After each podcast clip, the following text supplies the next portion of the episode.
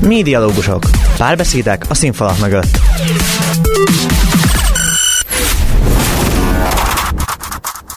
Köszöntöm az első Pesti Egyetemi Rádió hallgatóit. Én Mező Dóri vagyok, ez itt a Médialógusok, a Médiatanszék saját podcastja. A sorozat a média különböző területeiről hív meg kreatív szakembereket, akik bemutatják a munkájukat, elmondják, milyen gyakornoki programjaik vannak, és ez milyen mailcímre kell írnotok, vagy milyen weboldalt kell felkeresnetek, ha gyakornokok akartok lenni náluk. De nagyon gyakran szóba jönnek olyan témák is, hogy hogyan lehet fizetett állást szerezni a szakterületükön, milyen előképzettség kell ehhez, hogyan juthatunk olyan magas pozícióba, mint ők, vagy épp külföldön vagy Magyarországon érdemes kipróbálni magunk. Nem csak a mainstream TV, rádió, újságról beszélgetünk, hanem megjelennek olyan misztikumok is, mint a PR és marketing, vagy kommunikációs szakemberek a színházban, esetleg a filmutó munkába, de még az is, hogy hogyan építsünk fel egy YouTube karriert. Szóval, ha a médiába akarsz elhelyezkedni, vagy csak szimplán érdekel a média világa, itt a helyed. Rögtön egy dupla epizóddal a televíziózásban merülünk el. A mai első részben Nyári Gáborral, az RTL kreatív producerével készítettem nektek interjút. Többek között elmondja, hogyan lett kreatív producer, és ebben a folyamatban arra is megkapjuk a választ, hogy mit csinál egy szövegíró, egy főszerkesztő vagy egy tévéshowrunner. Megismerhetitek, milyen az RTL szerkesztőségében dolgozni, és olyan műsorok készítésében részt venni, mint például a Survivor. Ahogy arra is választ kaphatok, hogyha megtetszett ez a munka, akkor hogyan lehet egy gyakornokok az RTL-nél. Itt van velünk a stúdióba Nyári Gábor. Hello.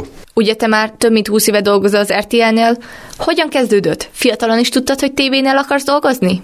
Én eredetileg történész szerettem volna lenni, illetve mm, családi nyomásra képzőművész, és mind a két feladat vagy, vagy életpálya modell elől menekülve teljesen véletlenül kikötöttem a Magyar Narancs szerkesztőségében, egészen pontosan nem teljesen véletlenül, előtte elvégeztem az akkor még relatíve patinásnak számító MOSZ Bálint György újságíró iskoláját, és onnan kerültem a Magyar Narancshoz, ami akkor még egy nagyon progresszív és nagyon jövőben mutató lapnak tűnt. Idővel azért ezt a stichiét elvesztette, és utána pedig már mondhatnám, hogy értelemszerű volt, nem volt még teljesen értelemszerű, mert azért a történész diplomával kapcsolatos vágyaimról még nem tettem le teljesen, ahogy még most sem, hiszen még csak 44 éves vagyok. Utána következett a Nap TV, a Napkelte című televízióműsor, utána pedig már 2001-től kisebb kihagyásokkal az RTL Klub, és 2001-től egészen a jelen pillanatig az RTL Klubnál dolgozom. Miért pont az RTL-t választottad? Hát azért a 2000-es évek elején ez, ez a kérdés még nem így merül fel, hogy miért pont az RTL-t, hanem inkább azt mondanám, hogy ez egy hatalmas lehetőség volt, hogy egyáltalán lehet dolgozni az RTL klubnál. Amikor én csatlakoztam a csatornához 2001 körül, akkor az RTL még, hát akkor is nagyon erős versenyben volt a TV2-vel, de akkor még nem volt egyértelmű a fölénye, sőt, akkor indult el az RTL-nek a, a klasszikus korszaka, a, a Mónika Show-val, a heti hetessel, a való világgal, és akkor kezdett érződni, hogy itt valami nagyon nagy dolog fog történni, és hülye hangzik, de hülye lettem volna nem, nem beleugrani ebbe kezdőként és fiatalként. Utólag kipróbáltad volna magad a TV2-nél is? Vagy örülsz, hogy csak az RTL-nél maradtál? Nekem a világon semmi bajom nincs a TV2-vel, meg ez, nem, az a kérdés nem is így merül fel. Én azt gondolom, hogy munkavállalóként azért ez egy fontos szempont, főleg úgy, hogy az ember már eltölt a piacon 20 évet, hogy, hogy az RTL egy, hogy mondjam, egy relatíve gazdasági, meg ilyen tartalmi kérdések tekintetében is egy koherens vállalkozás, aminek érezhetően szakmai, tartalmi szakmai, vagy kreatív szakmai irányítói is vannak, illetve ezek ezeket a szempontokat is figyelembe veszik a döntésekkor. Ezzel szemben úgy tűnt hosszú éveken keresztül, a jelen ez persze más, de hogy a TV2 inkább egy üzleti modellt követ, félretés ne ez nem azt jelenti, hogy az RTL nem, hanem hogy itt valahogy mindig gyorsabban akarnak sikert és eredményt elérni, mint ami a helyzetből vagy a piacból következne, ezért állandóan cserélődik a menedzsment, állandóan cserélődik a, a, a kreatív oldal első sora, tehát munkavállalói oldalról ez egy kevésbé kiszámítható világ. Az RTL ilyen szempontból békésebb. 20 év alatt több pozícióba is voltál az RTL-nél. Honnan indultál is? Hogyan lépkedtél fel a ranglétrán, hogy kreatív producer lehess? 2001-ben kerültem ugye az RTL-hez, és a Mónika Show-ban kezdtem, aztán ott rövidesen felelős szerkesztő lettem, és közben megtalált egy csomó egyéb feladat. Voltam a Vacsora csatában szövegíró, aztán a Készátverés Show-ban először forgatókönyvíró, majd főszerkesztő. Voltam a, a, a Benkő feleséget keres, és az I Love Johnny produkciókban szövegíró, aztán a Széfnek voltam, a Széf című vetélkedőnek, Sebestyén Varázs vetélkedőnek már a főszerkesztője, aztán voltam a Legyen is milliómosnak főszerkesztője, ez a Fidelikus fél Legyen is és milliómos volt. Aztán voltam a Kód című vetélkedőnek, és szintén a Sebestyén Balázs műsora volt főszerkesztője. Hát a nem annyira szép emlékű Wunderson és Super Sexy című produkció főszerkesztője is voltam, ezért tennék egy apró kitérőt, hogy én az első pillanattól szkeptikus voltam a műsor sikerével kapcsolatban, és sajnos ez a szkepszis ez később be is igazolódott.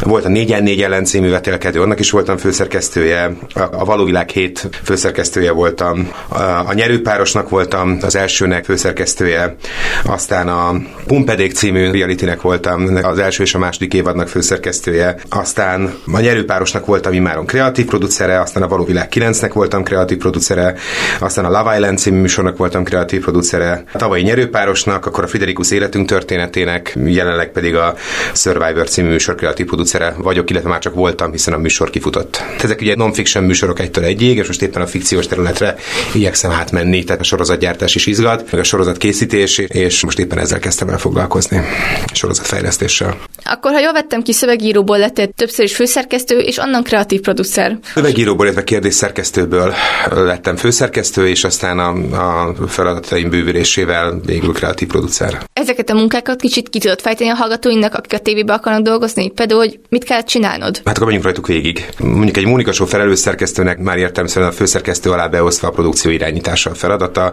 az adások témáinak kitalálásától, a szerkesztők által kitalált úgynevezett expozék, tehát az elképzelt sztorik, már úgy értem, hogy az általuk hozott sztoriknak a, a végigbeszélése, hogy az úgy jó lesz, elég erős, elég izgalmas, minden oldal meg van ez szólaltatva, kellően körül van a járva a téma olyan szempontból, hogy, hogy, hogy mondjam, bármilyen furcsa is hangzik, de kellően etikusan közelítsük meg ezt a kérdést, mert azt a kérdést, amit a, a, a szereplőik hoznak, mert minden ellenkező híreszteléssel szemben a Mónika Show történetei igazak voltak. Egy kérdés szerkesztőnek a dolga egy vetélkedőben a kérdéslista összeállítása, a kérdések elfogadása, azok ellenőrzése, a, ott is megint a minden oldali körüljárása, tehát a támadhatatlanság biztosítása, hogy egyetlen kérdés kapcsán sem merüljön fel az, hogy, hogy ezt így is vagy úgy is lehetett volna érteni, vagy többféle adat is forgalomban van azzal a válaszsal kapcsolatban. Tehát itt, itt ugye sok millió forint és egy szereplő győzelme múlhat egy-egy kérdésen, tehát ezeket nagyon alaposan körül kell járni, nekem kell összeállítanom a kérdéslistákat, aztán a játékos tulajdonképpen nem csak, nem csak a műsorvezetővel, hanem velem is játszik, amikor ugye ülök a vezérlőben és tolom rá a kérdéseket, meg én vagyok a, a műsorvezető fülén, és, és adok tippeket annak kapcsán, hogy hogyan erősítse, vagy éppen bizonytalanítsa a játékost a kérdéssel kapcsolatban, az adott kérdéssel kapcsolatban. Aztán a főszerkesztő feladata már egy adott produkció irányítása, tartalmi irányítása, legyen szó tök mindegy valóvilágról, nyerőpárosról, bármilyen egyéb vetélkedőről. A kreatív producer feladata pedig ennél komplexebb, ővé kompletten az egész produkció, beleértve a tartalmat, beleértve a, a gyártási kérdéseket, a kommunikációt, a csatornával való mindenkori kapcsolattartást. A, ja persze, hát a, a, egy nagyon fontos dolgot kihagytam, akár főszerkesztőként, akár kreatív producerként. Én a legfontosabb feladatomnak a castingot tekintem. Minden műsor alapja és lelke a, a, a megfelelő vagy a jó szereplők kiválasztása. Ez ugye a preprodukciós szakasz, tehát a produkciót megelőző szakasz. Ez azt gondolom, hogy akár mondhatnám azt is, hogy majd, hogy nem formátum független a jó casting kérdése. A legjobb formátumot is tönkre teheti egy közepes casting, és a legátlagosabb, leghétköznapig legporosabb formátumot is kiemelhet egy nagyon jól sikerült casting. Tehát ez a műsorok alap, alapja is lelke. Aztán persze főszerkesztőként is, kreatív producerként is a legfontosabb feladat, vagy hát az alapfeladat magának a produkciónak a lebonyolítása. Ez egy nagyon nehéz, nagyon komplex napi ilyen 16-18-20 órás feladat, amíg a produkció megy. Utána pedig a posztprodukció szakaszban az utómunka levezénylése.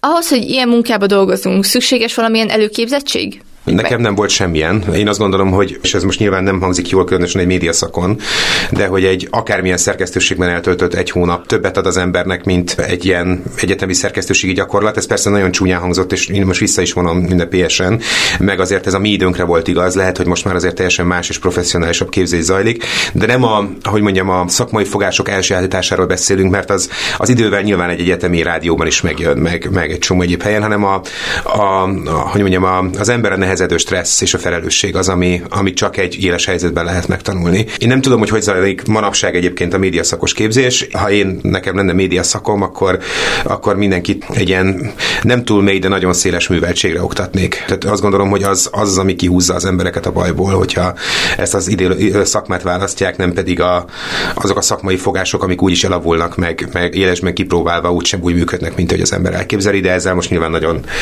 igazságtalan dolgokat mondtam is és elnézést is kérek utólag. Hogy néz ki egy átlagos munkanapod? Egy átlagos munkanapom? Hát ez nagyon attól függ, hogy a műsorgyártásnak melyik szakaszában vagyunk. Közelítsük meg innen a kérdést. Ha mondjuk éppen a produkció szakaszban vagyunk, tehát mondjuk éppen a Survivor-t forgatom, az az 50 napom az úgy néz ki, vagy úgy nézett ki, hogy reggel 6-kor kelünk, 6 óra előtt mondjuk egy 5-10 perccel, kint Dominikán, gyorsan megreggelizem, vagy megreggelizek, és reggel ilyen fél hét, három hét körül már a hajókban kerülünk, amik a, a szigetekre indulnak.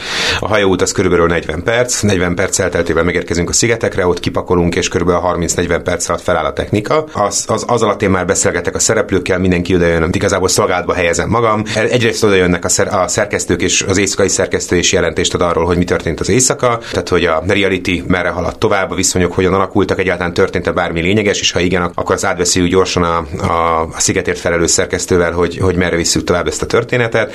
Aztán megtalálnak persze a szereplők szereplők is, akik elmondják a gondjukat, bajukat, hogy éppen kit kedvelnek, kit utálnak, megrágta a lábukat éjszaka egy pók, és, és nem tudom, az éhezést már nem bírják tovább. Én igyekszem mindenki apukája és anyukája és terapeutája lenni egyszerre egy időben. Szóval persze igyekszem távolságot is tartani, és, és nem adni lehetőséget arra, hogy, hogy a szereplők bármilyen, hogy mondjam, meg nem engedhető módon befolyással legyenek a történetre. Aztán elkezdődik maga a forgatás, ez 12 óra, este 6-ig vagyunk ott nagyjából, vagy inkább 11 óra, azt mondanám. Ez folyamatos talpanálást jelent, és rohangálást a homokban, ami egy egyébként pontosan olyan fárasztó, mint ami, ami ennek hangzik. Az ember a nap végére rettenetesen kikészül, folyamatosan figyeljük a történetet, bizonyos pontokon instruáljuk is a szereplőket, ez elsősorban technikai instrukciókat jelent, tehát hogy ne odállj, odállj, gyertek ide-vissza, még egyszer nem tudtuk felvenni. Persze, ahogy ez a, ez a mondjam, pszichológusi szerep elkezdődött a nap elején, ez nem, is, ez, ez nem, nem ér véget teljesen, tehát a, a szereplők azért folyamatosan keresik a lehetőséget arra, hogy valamilyen külső nézőpontból, vagy külső, igen, tehát valamilyen külső nézőpontból vizsgálják, a, a, vizsgálják meg a saját döntéseiket, és ezért igyekeznek folyamatosan interakcióba lépni velünk, amit nekünk folyamatosan hárítanunk kell, de hát ez minden reality igaz. A nap, hát nekem közben irányítanom kell a, a, a felelős szerkesztő munkáját, a felelős irányítja a forgatócsoportok, tehát a szerkesztők és a hozzájuk tartozó operatőrök, technikusok munkáját, és amikor végeztünk, akkor este 6 óra felé, akkor visszaszállunk a hajókba, közben levont a technika, ja, és közben interjúzok is a szereplőket, bocsánat, ezt elfelejtettem. Tehát napi, abban a 11 órában valamelyik szerkesztő folyamatosan valamelyik szereplőt interjúzza éppen, vagy éppen én, vagy a, vagy a felelős szerkesztő. Visszamegyünk a, a, a szállodába a hajóval, 7 és 8 óra között megvacsorázunk, illetve lefürdünk, és akkor 8-kor kezdődik az első nagy tartalmi értekezlet, amikor az egész táb jelenlétében, ez kb. 50 ember átbeszéljük az aznap történteket, nem csak tartalmi, hanem technikai, gyártási, egészségügyi, és a többi, és a többi, tehát minden lehetséges szempontból. Ez nagyjából 10-ig, fél 11-ig tart, amire minden részleggel kiértékeljük az összes lehetséges gondot és problémát, majd én 11 környékén még a hónom alá csapom a, a műsor két főszerkesztőjét, és beülünk a, a szobámba még egyszer átbeszélni csak a tartalmi problémákat, gondokat, meg hogy hogyan tovább, merre visszük a történetet, milyen csavarral támadjuk meg a, a szereplőket, hogy mi, mivel kavarjuk meg újra a reality és nagyjából éjfélkor ágyba zuhalunk, vagy nem tudom, fél egy, egy körül, aztán kerünk hatkor, és ez így megy 50 napon át. Ugye vannak bizonyos tipikus karakterek egy ilyen reality műsorban, ezeket tudatosan építitek ki, vagy maguktól alakulnak ki? A válaszom az, hogy is. Sokkal több ilyen direkt tudatosságot feltételeznek rólunk a, hogy mondjam, a kívülállók, mint ami a valóság, illetve a tudatosság máshol van. A tudatosság abban az oda-vissza játékban van, ami a szereplők is köztünk zajlik. Tehát az emberek ezt úgy képzelik, hogy mi milyen sakfigurákat mozgatunk egy ilyen táblán, ugye a fülükbe sogjuk, hogy mit kell csinálniuk, és akkor ők e, ilyen, ilyen jó robotokként végrehajtják a rájuk bízott küldetést. Ez nem így van, ezek húsvér emberek. Ráadásul a, a jó casting egyik titka például az, hogy borzasztóan autonóm, borzasztóan szélsőséges, a, a, a saját hétköznapi gondjaikat, személyiségüket, problémáikat nagyon intenzíven megmutató, megélő, világra rászabadító e, szereplőket keresünk. E, ezeket az embereket nem könnyű irányítani, nem, nem úgy működnek, hogy, hogy akkor te csináld ezt, te csináld azt, és nem is úgy castingoljuk őket, hogy hú, már van egy, nem tudom, egy agresszív, idegesítő fiatal nőnk, akkor kell mellé egy nyugodt középkorú férfi.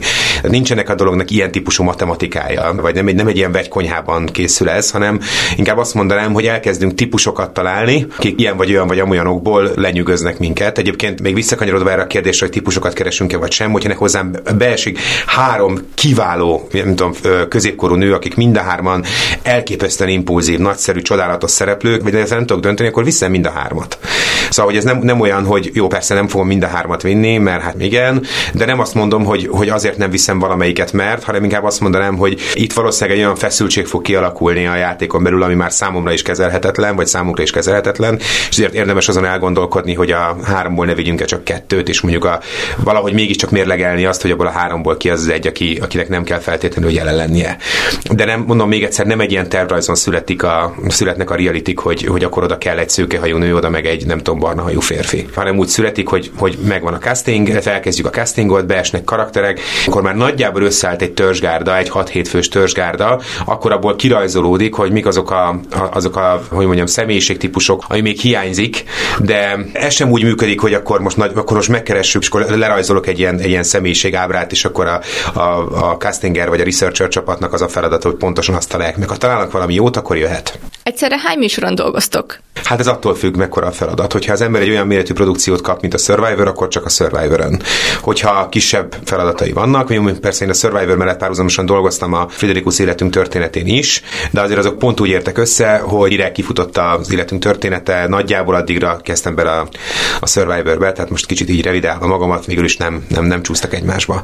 Hogyha az ember kisebb méretű produkciókat kap, ilyen kisebb méretű produkció mondjuk a Friderikus életünk története, akkor, akkor abból belefér nyilván egy időben kettő is, vagy kettő menedzserése, vagy producerálása. Mennyiben más ez a munka a TV showrunner munkájától? Hát azért az egyik egy fikciós feladat, a másik pedig egy produceri feladat. Azért a, a showrunner felel sok dologért, de elsősorban a tartalomért felel, illetve egy tartalmi koncepció kiérleléséért felel, tehát a treatmentek kialakítása, a tartalmi váz felépítése, és aztán végül a forgatókönyvek megírása. Tehát még a rendezői feladatokban is nyilvánvalóan van beleszólása, meg a, meg a forgatáskor a tartalmi szempontok érvényesítése, de mondjuk nincs minden területre feltétlenül rálátása vagy, vagy ráhatása, azon kívül meg egy, meg egy fikciót irányítani azért más, mert ott, ott valóban szemben egy realityvel, ott valóban tervezőasztalon születik minden. Persze van egy csomó előre ki nem számítható tényező, de azért az alapvetéseket mégiscsak ki lehet jelölni a feladat legelején is már. Még egy reality esetében ezért ez sokkal komplexebb, pontosan azért, mert nem tudjuk kiszámítani, hogy mi fog történni, tehát folyamatosan a, a valósághoz kell igazodnunk. Én legalábbis ezt, ezt feltételezem, mert eddig fikciós területen még nem nagyon dolgoztam, de a, a reality az egy idegtépőbb, stresszesebb, nem több. Szóval nem azt mondom, hogy egy showrunner kevesebbet dolgozik, mint egy kreatív producer, sőt, a helyzet még lehet akár fordított is és rosszabb is. Inkább azt mondanám, hogy a fikciós területen a dolgok egyel kiszámíthatóbbak, mint a, a non-fiction területen. Reality producerként nekünk folyamatosan a valósághoz kell igazodnunk.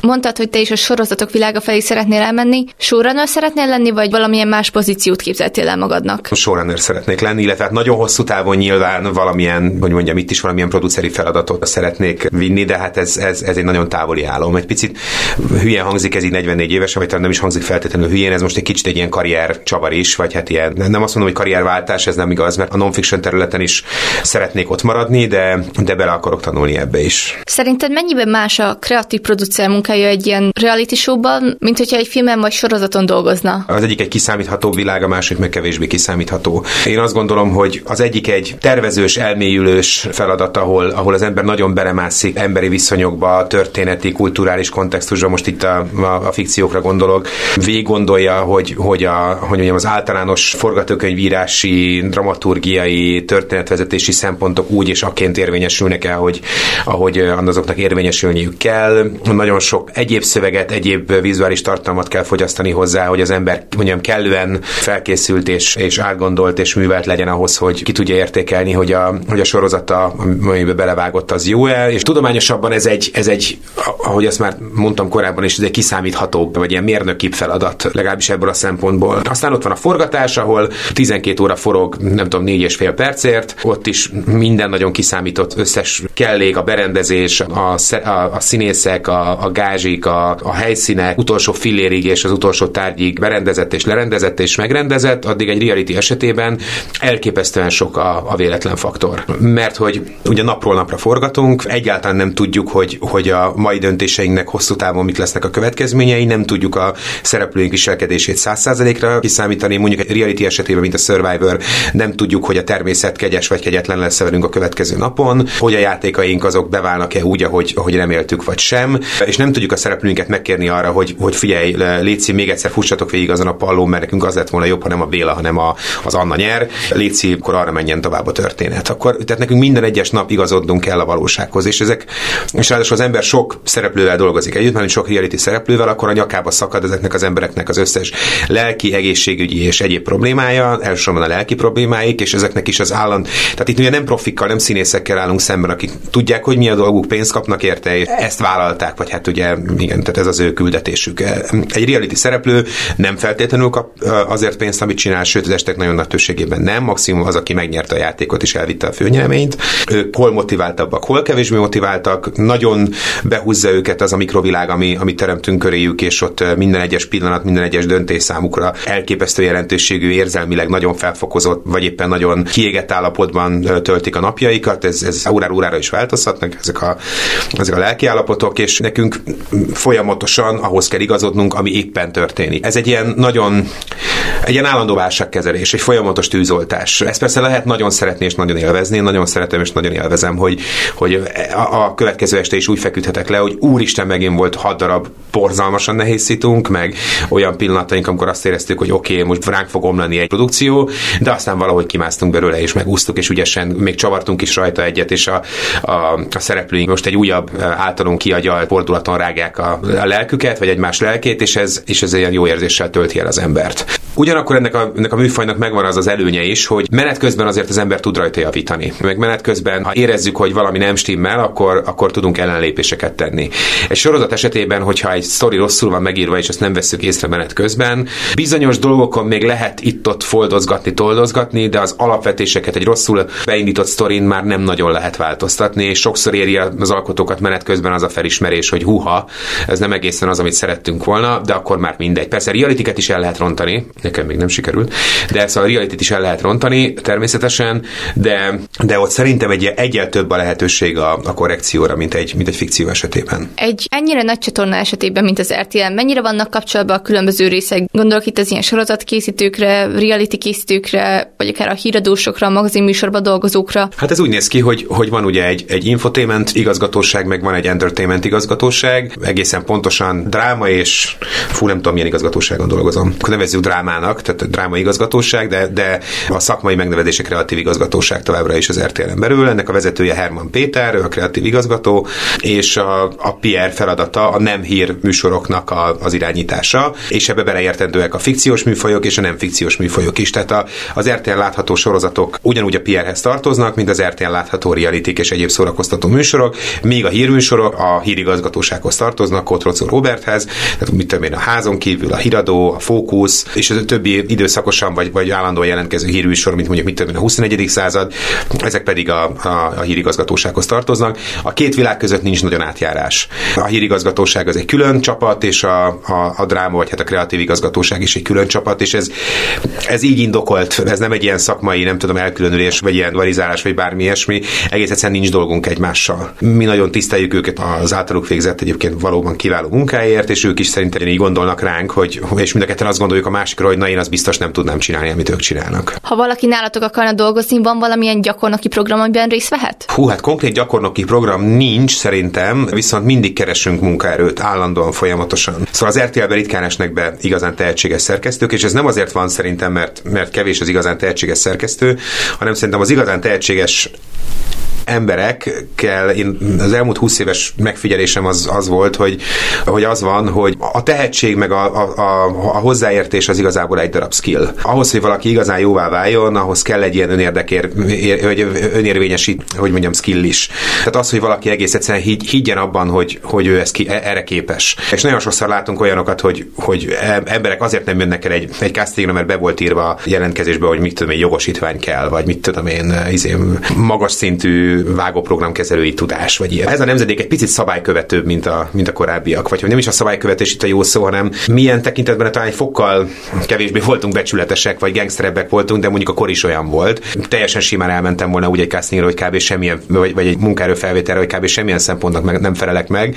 Elég az, hogy oda az arcomat, és aztán lesz valami. Félretés ne nem nagyképű idiótákat keresünk, hanem olyan embereket, akik egész egyszerűen ezt akarják. És ezért ez egy nagy, nagy vállalás. Tehát, hogy az ember elkezd egy, egy ilyen nagy csatornánál mint az RTL, akkor, er, akkor számítania kell rá, hogy a következő 10-15 évét erre áldozza. Aztán 10-15 év múlva, ha ügyes volt és szerencsés, akkor egy picit talán könnyebb lesz az élete, de még ez sem garantált. Tehát, hogy ez tényleg egy ilyen teljes idős, teljes testes, teljes lelkes elköteleződés, és ettől szerintem egyébként sokan lehet, hogy egyébként, hogy mondjam, okkal és érthetően megriadnak, és talán nekik van igazuk, amikor azt mondják, hogy na jó, ezt nem, nem akarom tönkrevágni az életemet, meg a emberi kapcsolataimat, meg a, a jövőmet azzal, már mint a, az érzelmi életemet azzal, hogy kereskedelmi televíziós műsorokat gyártok, de nekem az a tapasztalatom, és ez szerintem nemzedék független, meg korfüggetlen, meg, meg kultúra független, hogyha az ember igazán akar valamit, akkor abba bele kell halnia sajnos. Zárásként pár érdekes kulisszatitkot meg tudsz velünk osztani? Hmm, szakmai titok. Hát például a Sebestyén Balázs magas, ezt kevesen tudják róla, mindig azt hiszik róla, hogy törpe, de nem.